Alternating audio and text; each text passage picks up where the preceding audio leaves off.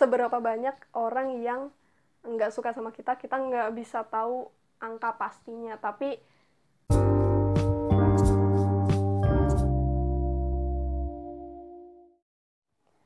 cek cek cek cek. Hai hai halo. Hai hai halo. Balik lagi sama Vida di ngomong tiap hari.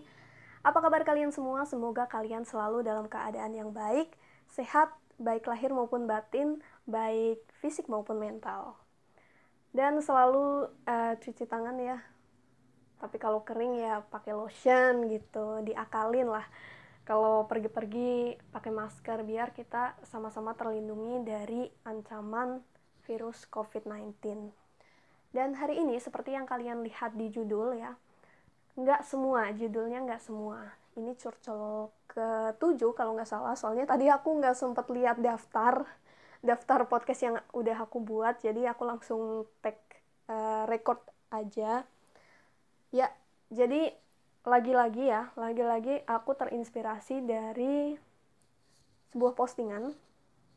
Sebenarnya postingan ini kurang valid ya untuk dibicarakan di kayak podcast kayak gini soalnya aku ambil sumbernya itu dari unggahan WhatsApp yang mana unggahan WhatsApp ini kan yang diketahui hanya uh, orang yang ada di kontak kita yang mengirim unggahan di uh, di WhatsApp itu ya kan?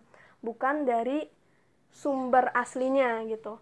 Biasanya sih ada ya uh, ada tulisan uh, watermark gitu. Uh, nama akun sumber aslinya tapi pada saat itu aku terlalu fokus ke kontennya jadi aku lupa atau malah nggak ada I don't know tapi oke biar aku ceritain ya. Barangkali kalian juga menemukan unggahan yang sama karena sebenarnya ini bukan buatan dia sendiri bukan buatan orang yang ada di kontakku tapi ini tentunya terusan dari media sosial lain misalnya Instagram atau Facebook atau apa. Jadi gini uh, di gambar itu di dalam unggahan itu terdapat dua ilustrasi. Yang pertama ilustrasi yang pertama adalah gambar uh, para petani yang berangkat ke sawah menggunakan sepeda dan berbaris di tepi jalan jadi mereka baris gitu satu-satu gitu jalannya rapi lah terus disandingkan dengan ilustrasi kedua yaitu gambar orang-orang klub anggota-anggota klub sepeda yang menggunakan kendaraan mereka, sepeda kring-kring. Jadi menggunakan sepeda mereka dengan memenuhi jalan. Kalau misalnya kalian sering lihat tuh eh, klub-klub sepeda gitu kan, mereka kayak rombongan gitu kan, bareng-bareng. Jadi kayak ya udah sepeda santai aja, nggak harus yang rapi, yang harus berbaris gitu. Ya, jadi gitu.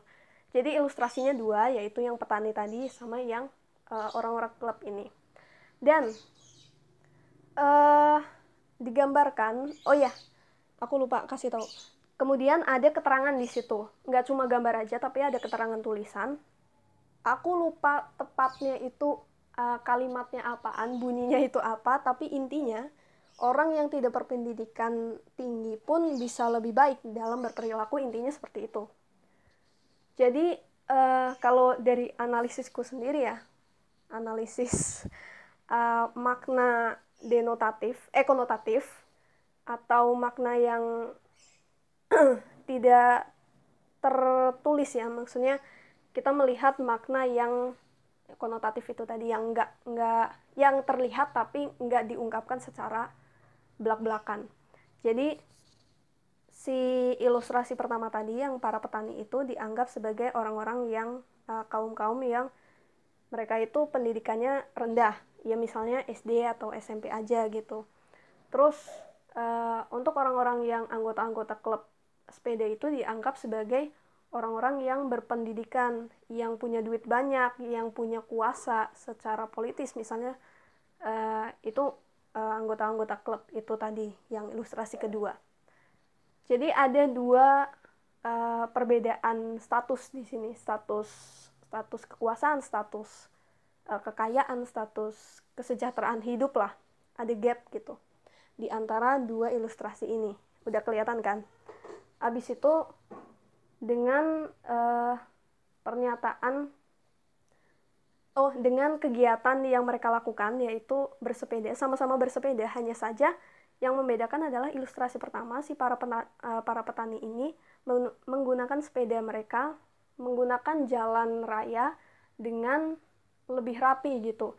Jadi istilahnya tuh nggak menghalangi orang-orang lain yang mau lewat gitu mereka menggunakan jalan dengan tertib dengan rapi lewat tepi jalan dan berbaris rapi. Sedangkan orang-orang yang apa uh, anggota-anggota klub ini menggunakan jalan raya dengan uh, borongan gitu dengan bareng-bareng yang uh, sangat mengisi hampir seluruh jalan. Nah jadi yang kita maksudkan di sini uh, yang kita notice di sini adalah yang para petani itu tertib yang anggota apa anggota klub sepeda ini nggak tertib gitu. Simpelnya itu seperti itu. Terus di bawahnya uh, di keterangannya orang-orang intinya orang-orang yang nggak berpendidikan itu lebih bermoral daripada eh, orang-orang yang berpendidikan tinggi. Jadi uh, ini adalah perbandingan ya. Mungkin gini deh mungkin ya orang-orang yang orang orang-orang kan pengirim atau pengunggah asli gambar ini yang bikin meme ini sebenarnya mungkin memaksudkan bahwa nggak sekolah pun orang itu bisa bermoral gitu. Hanya saja hanya saja kadang tuh ada penghambat gitu. Kita masuk ke proses komunikasi. Jadi proses komunikasi itu nggak sestatis itu yang nggak kayak kita ngomong terus mereka langsung paham gitu apa yang kita bicarakan itu enggak apalagi ini menggunakan uh, gambar gitu yang mana banyak makna-makna yang tersembunyi di balik itu dan kita terpaksa harus memaknai itu sendiri berdasarkan apa yang kita ketahui, apa yang pernah kita lihat sebelumnya gitu. Dan bisa jadi sangat sangat mungkin terjadi ada kesalahpahaman antara pengunggah foto ini, pengunggah meme ini dengan yang membaca meme ini. Yang membaca mungkin ada beberapa pembaca, beberapa audiens dari meme ini yang beranggapan bahwa oh orang-orang berpendidikan, semua orang berpendidikan itu nggak bermoral, ditambah lagi kita itu sering banget ada konflik lah ya konflik. Uh, ya orang-orang petinggi-petinggi gitu. Kita sering banget sering banget ada kasus seperti itu. Aku nggak perlu nyebutin pun ya kalian udah paham lah ya dan itu bertahun-tahun kita sering mengalami. Dan akhirnya kita menganggap bahwa beberapa orang itu menganggap bahwa semua orang berpendidikan tinggi itu hanya mementingkan akal tapi nggak mementingkan hati. Jadi misalnya menggunakan jalan pun ya udah karena aku punya kuasa aku punya uang aku punya motor gitu motor gede gitu ya udah jalan aja seenaknya gitu.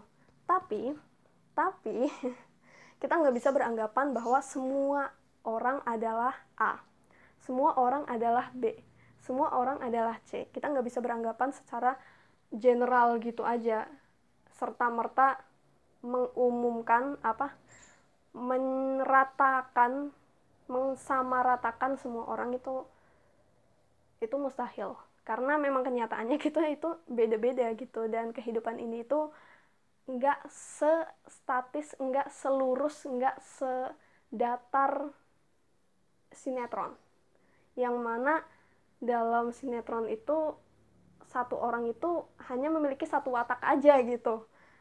Misalnya si Jono dia antagonis. Terus si Joni dia protagonis. Ya udah si protagonis uh, si protagonis ini ya berperilaku sebagaimana orang baik aja.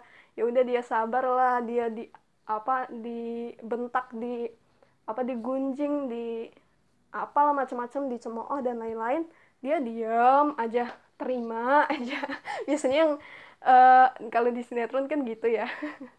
Aku jarang nonton sinetron sih tapi sering banget kan ada kayak video lewat gitu. Terus kayak kalau emak kita nonton tuh kadang kita kayak kedenger aja gitu. Jadi kita nggak bener-bener nonton gitu. Eh sampai situ bahasanya kan. Sorry sorry. Back to the topic. Jadi uh, kita ini misalnya aku orang yang baik untuk teman-teman aku, sahabat aku. Aku orang yang baik bagi teman-teman aku, bagi sahabat aku. Tapi belum tentu aku adalah orang yang baik bagi orang-orang di luar sana gitu. Paham kan? Jadi nggak semua orang menganggap kita baik, nggak semua orang menganggap kita jahat. Nggak semua orang suka sama kita, nggak semua orang benci sama kita. Gitu kan? Konsepnya gitu. Dan ini konsepnya abstrak banget, kita nggak bisa menentukan seberapa banyak orang yang suka sama kita dan seberapa uh, serba, seberapa susah amat sih seberapa banyak orang yang nggak suka sama kita. Kita nggak bisa tahu angka pastinya. Tapi yang kita ketahui secara pasti adalah ya seperti itu.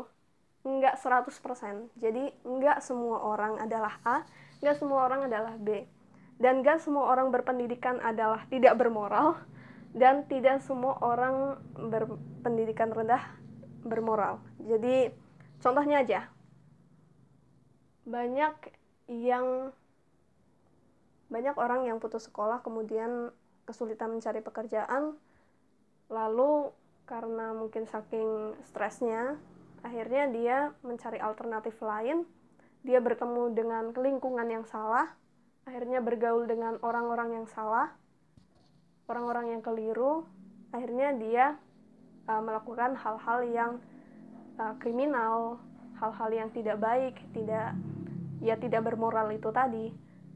Dan juga um, memang pada kenyataannya itu yaitu tadi dalam satu sekolah ya, dalam satu sekolah aja, dalam satu kelas deh, dalam satu kelas, kelas kalian misalnya, sekolah kalian elit, sekolah kalian elit gitu, orangnya pinter-pinter semua gitu. Meskipun sama-sama pintar tapi nggak semua anak dalam kelas itu tuh sama-sama bandel. Eh sama-sama baik sama-sama rajin. Ada yang bandel gitu. Ada yang meskipun dia pinter ya IQ-nya sampai 300 misalnya dia itu suka bolos sekolah. Saking pinternya dia kayak sombong gitu. Ada kan?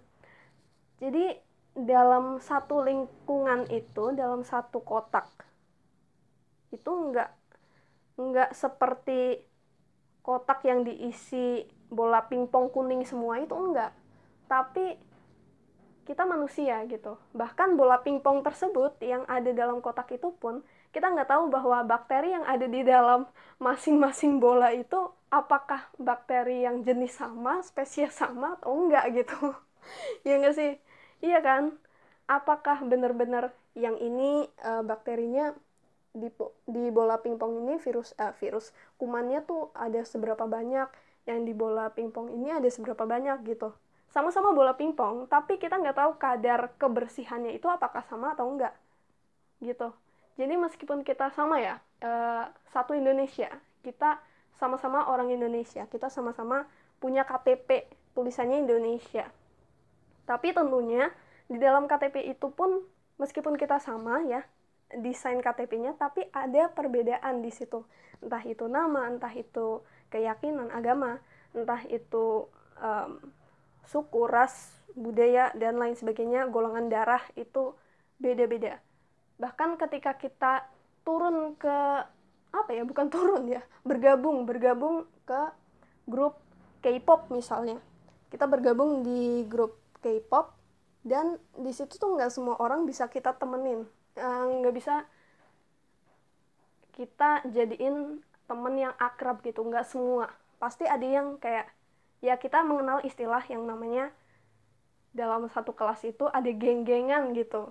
Meskipun satu kelas udah dibentuk kelas. Tapi kelas itu terdiri dari beberapa banyak anak gitu kan. Biasanya uh, berapa ya? Kalau kalian berapa uh, kalau aku tuh sekitar 30 sampai 36 lah. Ya sekitar itu. Memang memang kelasku itu uh, kelas yang besar gitu ya. Dan di situ tentunya ya uh, mengegeng lah. Bikin geng-geng gitu. Ada kelompok-kelompok kecil di dalam kelompok. Dan itu wajar kok. Itu wajar. Dan kan aku bahas sampai sini ya intinya itulah. Itu tadi.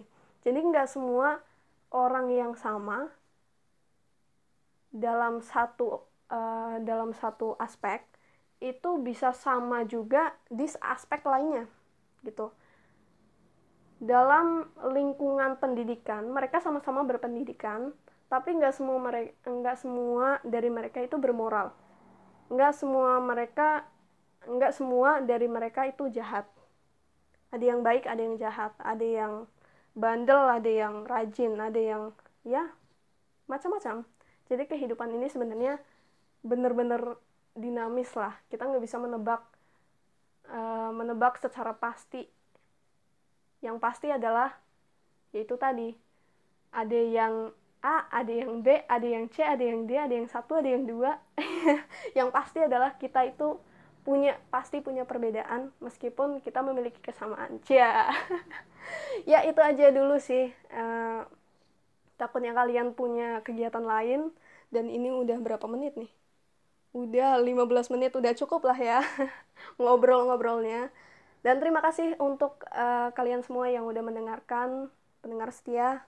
Makasih banget yang udah menyumbangkan uh, apa ya bukan views ya apa tuh istilahnya oke okay. aku video dari ngomong tiap hari and I'll see you soon bye